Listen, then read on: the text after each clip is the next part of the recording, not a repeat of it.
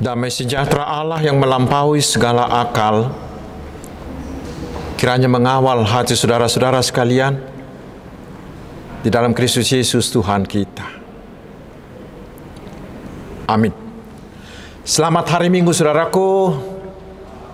Selamat bersuka cita untuk menerima firman Tuhan yang ditetapkan untuk kita pada hari pada minggu kedua sesudah Epifanias ini yaitu dari kitab Yesaya pasal 49 dari ayat pertama hingga ayat yang ketujuh. Saya akan bacakan untuk kita, mari kita simak dengan baik. Begini bunyinya. Dengarkanlah aku hai pulau-pulau, perhatikanlah hai bangsa-bangsa yang jauh. Tuhan telah memanggil aku sejak dari kandungan, telah menyebut namaku sejak dari perut ibuku. Ia telah membuat mulutku sebagai pedang yang tajam dan membuat aku berlindung dalam naungan tangannya. Ia membuat aku menjadi anak panah yang runcing dan menyembunyikan aku dalam tabung panahnya. Ia berfirman kepadaku, Engkau adalah hambaku Israel dan olehmu aku akan menyatakan keagunganku. Tetapi aku berkata, Aku telah bersusah-susah dengan percuma dan telah menghabiskan kekuatanku dengan sia-sia dan tak berguna. Namun hakku terjamin pada Tuhan dan upahku pada Allahku. Maka sekarang firman Tuhan yang membentuk aku sejak dari kandungan untuk menjadi hambanya, untuk mengembalikan Yakub kepadanya, dan supaya Israel dikumpulkan kepadanya maka aku dipermuliakan di mata Tuhan dan Allahku menjadi kekuatanku firmannya. Terlalu sedikit bagimu hanya untuk menjadi hambaku, untuk menegakkan suku-suku Yakub dan untuk mengembalikan orang-orang Israel yang masih terpelihara. Tetapi aku akan membuat engkau menjadi terang bagi bangsa-bangsa, supaya keselamatan yang daripadaku sampai ke ujung bumi. Beginilah firman Tuhan penebus Israel, Allahnya yang maha kudus. Kepada dia yang dihinakan orang, kepada dia yang dijijikkan bangsa-bangsa, kepada hamba penguasa-penguasa Rajanya akan melihat perbuatanku, lalu bangkit memberi hormat, dan pembesar-pembesar akan sujud menyembah. Oleh karena Tuhan yang setia, oleh karena yang maha kuas, maha kudus, Allah Israel yang memilih engkau. Demikian firman Tuhan. Saudara-saudaraku yang dikasihi oleh Tuhan kita Yesus Kristus, Firman Tuhan tadi firman Tuhan melalui nubuatan Yesaya di minggu Epifanias yang kedua ini memaparkan kepada kita siapakah Yesus dan bagaimanakah kita meneladaninya. Bagaimana kita mengenal Yesus lalu kita bisa menerapkan kepada diri kita sendiri siapakah aku? Siapakah kita. Saudaraku kita tahu bahwa perikop ini sering disebut sebagai nyanyian hamba Allah Ebed Jahwe. Memang sering yang dimaksudkan dengan hamba Allah ini adalah Yesaya. Ada penafsir yang mengatakan itu. Tetapi kebanyakan penafsir menunjuk bahwa hamba Allah itu adalah Tuhan kita Yesus Kristus. Yang dipilih Allah untuk menjadi hambanya guna menyelamatkan bukan hanya Israel saja, tetapi seluruh dunia, dan yang juga disebut sebagai terang dunia. Saudara-saudaraku, perikop ini memuat banyak hal yang indah. Karena itu, mari kita coba ambil beberapa hal saja. Yang pertama, dinyatakan bahwa hamba Allah itu adalah yang dipilih Allah sendiri. Allah sendirilah yang memilih Yesus kita menjadi Tuhan, malah dinyatakan bahwa dia sudah dipilih mulai dari kandungan, dan tugasnya adalah untuk menyelamatkan, dan bukan hanya menyelamatkan Israel atau keturunan Yakub, tetapi seluruh dunia. Itulah yang dilakukan oleh Tuhan Yesus. Di epistel Yohanes 1 ayat 29 tadi, Yohanes mengatakan bahwa Yesus itu adalah anak domba Allah yang harus dikorbankan, yang harus mati untuk menjadi penebus dosa dunia. Itulah yang dilakukan Yesus di Golgata. Yesus mau mengorbankan dirinya di kayu salib untuk mendemonstrasikan bahwa dia adalah hamba Allah yang ditetapkan Allah untuk menderita. Untuk apa? Itu yang dikatakan di ayat 5 dan ayat 6. Dia harus menderita bukan hanya untuk menyelamatkan Israel, tetapi untuk menyelamatkan seluruh bangsa-bangsa, seluruh dunia. Dan itulah yang terjadi ketika Yesus bangkit dari kematiannya. Dunia dan seluruh isinya telah diselamatkan karena dosa, maut, dan iblis sudah dikalahkan. Lalu sekarang kepada kita saudaraku, bila Yesus itu adalah Allah yang sudah menderita. Lalu sekarang siapakah kita ini?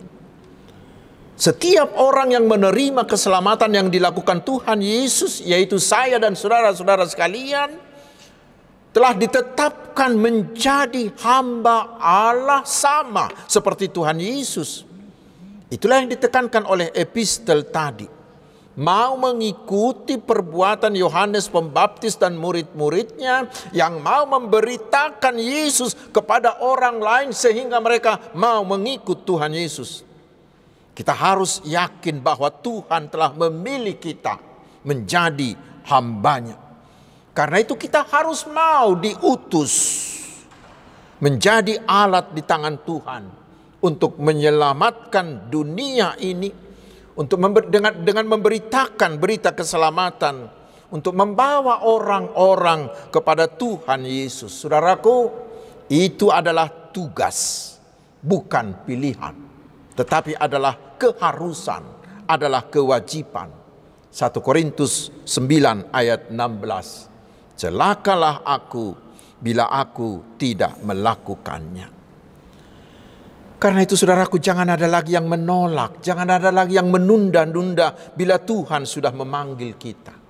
Ingat, bila Tuhan memanggil itu adalah sebuah kehormatan. Itu adalah sebuah kesempatan dari Tuhan menjadi hambanya untuk membagikan harta termahal sedunia yaitu keselamatan kekal yang telah disediakan Tuhan Yesus bagi seluruh dunia ini. Jangan sia-siakan kesempatan itu. Dan Tuhan berharap semua kita yang mendengarkan khotbah ini siapa pun kita, ama, ina, naposo, remaja, anak-anak, semuanya hari ini hendaknya kita memberi jawaban yang tulus. Mengatakan, di sini aku Tuhan, utuslah aku, aku mau menjadi hambamu seperti Tuhan Yesus, utuslah aku. Lalu apa tugas utama seorang hamba Tuhan? Ini perlu bagi kita. Karena banyak orang terutama di gereja HKBP merasa bahwa tugas kita adalah mendirikan gereja. Tugas kita adalah membangun organisasi yang hebat. Saudara-saudaraku ingat bukan itu, bukan itu. Itu semuanya hanyalah alat tetapi tugas utama orang Kristen adalah sama dengan tugas utama Tuhan Yesus, yaitu membawa keselamatan kepada semua orang. Fokus kita bukanlah uang, fokus kita bukanlah gedung, fokus kita bukanlah organisasi, tetapi fokus utama dari seorang pelayan hamba Tuhan adalah orang jolma do yaitu supaya semua jolma supaya semua orang menerima Tuhan Yesus sehingga mereka selamat. Saudaraku jangan pernah lupakan itu. Itu yang pertama. Dan yang kedua mari kita coba simak apa yang dikatakan di ayat 4 di sana dikatakan bahwa memang tugas itu tidak mudah tetapi sangat-sangat berat Bahkan di ayat 7 dikatakan hamba itu terhina, dijijikkan oleh bangsa-bangsa. Itulah yang dialami oleh Tuhan Yesus. Dia bukan hanya memberikan waktunya dan tenaganya, tetapi dia juga menerima hinaan, pastap-pastap, tijur, haleaon. Bahkan dia harus mengorbankan nyawanya. Yesus harus mati di kayu salib. Namun demikian saudaraku Tuhan tidak pernah menyuruh hambanya hanya untuk menjadi korban. Tidak pernah. Tetapi justru sebaliknya. Bila Tuhan mengutus hambanya, Tuhan pasti memperlengkapi mereka. Mungkin kita akan berdalih bila kita diutus. Kita akan berdalih sama seperti Musa yang tidak tahu bicara, yang bukan ahli pidato, atau mungkin kita berdalih seperti Yeremia yang merasa masih terlalu muda. Tetapi saudaraku lihat, Tuhan memberi hambanya itu kemampuan. Kita baca di ayat 2. Saya baca dalam bahasa Indonesia sehari-hari dikatakan, ia membuat kata-kataku setajam setajam pedang. Ia menyembunyikan aku di dalam tangannya. Ia melindungi aku. Ia menjadikan aku seperti anak panah yang terasa dan menyimpannya dalam tabung supaya siap dipakai. Demikian juga dengan Tuhan Yesus sebelum dia naik ke sorga. Sesudah Yesus mengutus para murid-muridnya untuk pergi menginjili, memberitakan Injil ke seluruh dunia. Yesus memberi jaminan di Matius 28 ayat 20 itu. Di sana Yesus mengatakan, dan ketahuilah, aku menyertai kamu senantiasa sampai kepada akhir zaman. Kepada murid-muridnya Yesus mengatakan, aku akan mengutus roh penghibur, roh kudus untuk menyertai kamu. Saudaraku itulah yang dialami banyak orang. Terutama sahabat-sahabatku di BKS Marturia yang giat memberitakan Injil Kristus. Di awalnya banyak dari mereka merasa, ah saya ini tidak bisa apa-apa saya ini tidak mampu, saya ini tidak punya bakat. Tetapi lihat saudaraku setelah mereka mau memberi diri sepenuhnya, ketika itulah Tuhan mengubahkan mereka menjadi orang-orang yang hebat. Karena itu mungkin kita akan berkata juga hari ini, Pak Pendeta saya tidak tahu apa-apa, saya tidak punya apa-apa. Saya tidak punya ini, tidak punya itu. Dan saya tidak tahu apa-apa tentang Injil. Saudaraku, ingatlah. Yang Tuhan butuhkan bukan kemampuanmu. Tetapi yang Tuhan butuhkan adalah kesudianmu. Yang perlu kita dengan tulus mengatakan kepada Tuhan, Tuhan ini aku, utuslah aku maka selanjutnya Tuhan yang akan bekerja. Tuhan yang akan memberi kita kemampuan. Seperti dikatakan tadi, Tuhan yang menjadikan kita menjadi siap pakai. Tuhan yang akan menyediakan segala yang kita butuhkan. Pasti ketika kita mau melakukan tugas hamba Allah, kita akan menghadapi banyak tantangan, hambatan, juga pergumulan, juga perlawanan, bahkan penolakan. Tetapi saudaraku, jangan pernah takut karena ada jaminan yang pasti, yaitu jaminan penyertaan dan perlengkapan dari Tuhan. Karena itu saudaraku, mari hari ini Tuhan Yesus menyatakan dirinya kepada kita dengan terang benderang bahwa dia adalah hamba Allah yang telah dipilih Allah untuk menderita, untuk memberikan nyawanya guna menyelamatkan dan memberi keselamatan bagi manusia dan bagi seluruh dunia. Dan Tuhan Yesus telah melakukan itu dengan pengorbanannya di kayu salib dan dengan kebangkitannya dari kematian. Dan sekarang Tuhan memilih kita menjadi hambanya, menjadi alat di tangan Tuhan untuk menyebarkan keselamatan itu.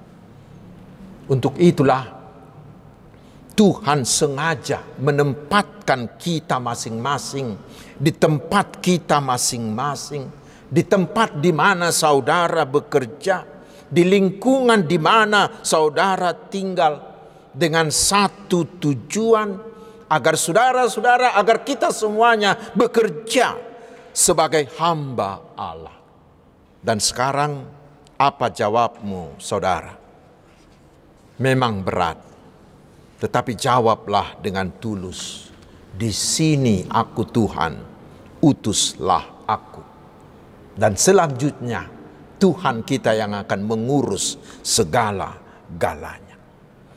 Tetapi masih ada satu hal lagi yang tidak kalah pentingnya saudaraku itu hal yang ketiga yang bisa kita petik menjadi renungan dari perikop kita ini. Perikop ini merupakan panggilan dan penugasan Tuhan bagi bagi hamba Allah untuk pergi kepada Israel, teman sebangsanya yang sedang menderita dalam pembuangan.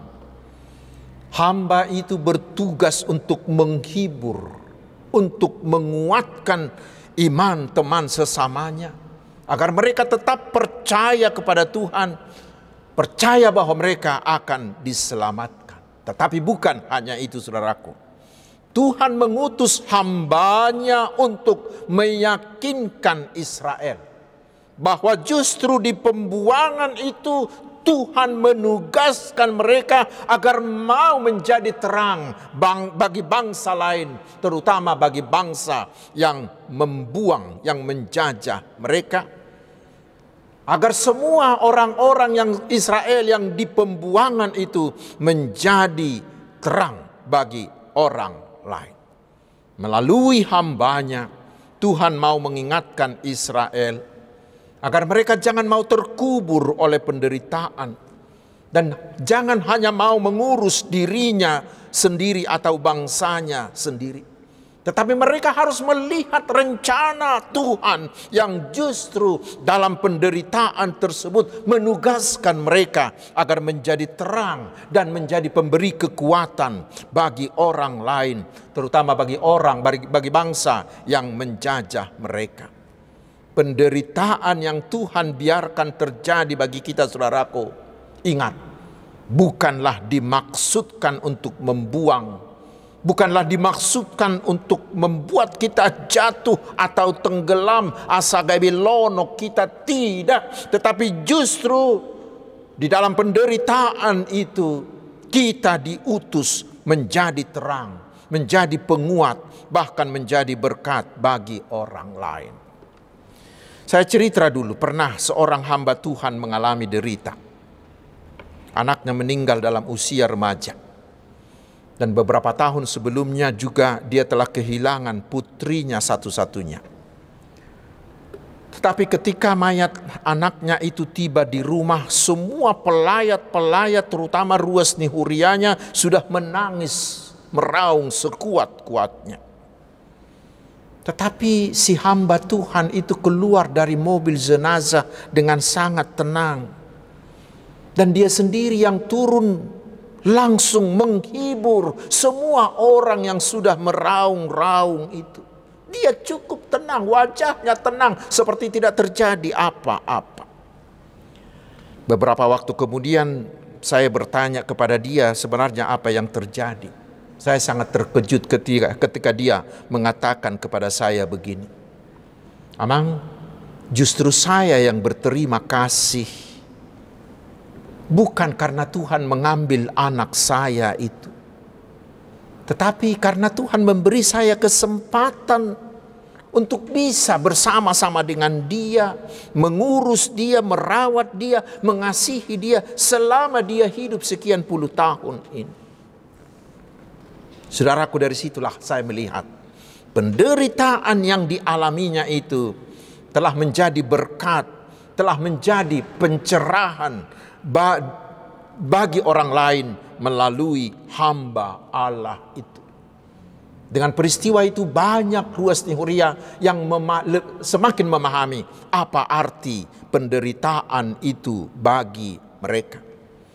Banyak orang yang ketika mengalami penderitaan bisa menjadi jamita na mengulu bagi orang lain. Karena itu saudaraku bila kita sedang menderita mengalami kesusahan yang sangat berat, jangan biarkan dirimu terpuruk, jangan biarkan dirimu dikubur oleh penderitaan dan jangan menunggu untuk dihibur orang. Tetapi teladanilah hamba yang menderita ini. Berilah dirimu dikuatkan oleh roh Tuhan sehingga penderitaan dan pergumulan kita itu diubahkan oleh Tuhan menjadi kesaksian yang menguatkan, menjadi kesaksian yang menjadi teladan untuk diikuti banyak orang, diubahkan menjadi jamita nama ngulu, sehingga penderitaan kita itu menjadi terang bagi orang lain. Amin. Marilah kita berdoa. Terima kasih ya Tuhan atas firman-Mu yang menyatakan bahwa Yesus adalah hamba yang harus menderita untuk menebus dan menyelamatkan kami orang berdosa ini.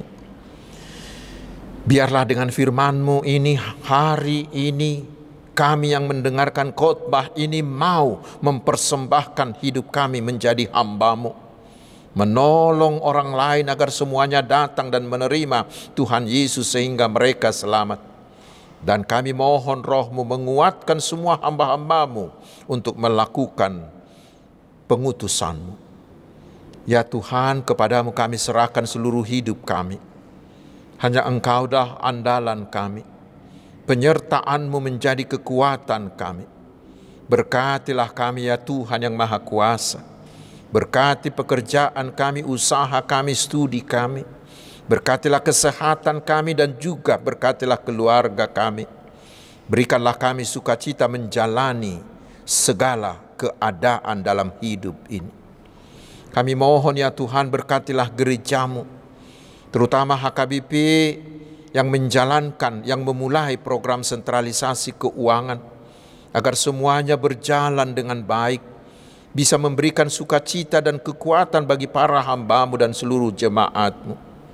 Bapak di sorga berkatilah bangsa kami agar tetap bersatu, agar tetap solid, agar tetap aman, tetap sejahtera. Terima kasih Bapa yang Maha Agung dan Maha Mulia. Di dalam Tuhan dalam nama Tuhan Yesus kami berdoa dan mengucap syukur. Tetapi kehendak mulai yang jadi atas kami. Amin.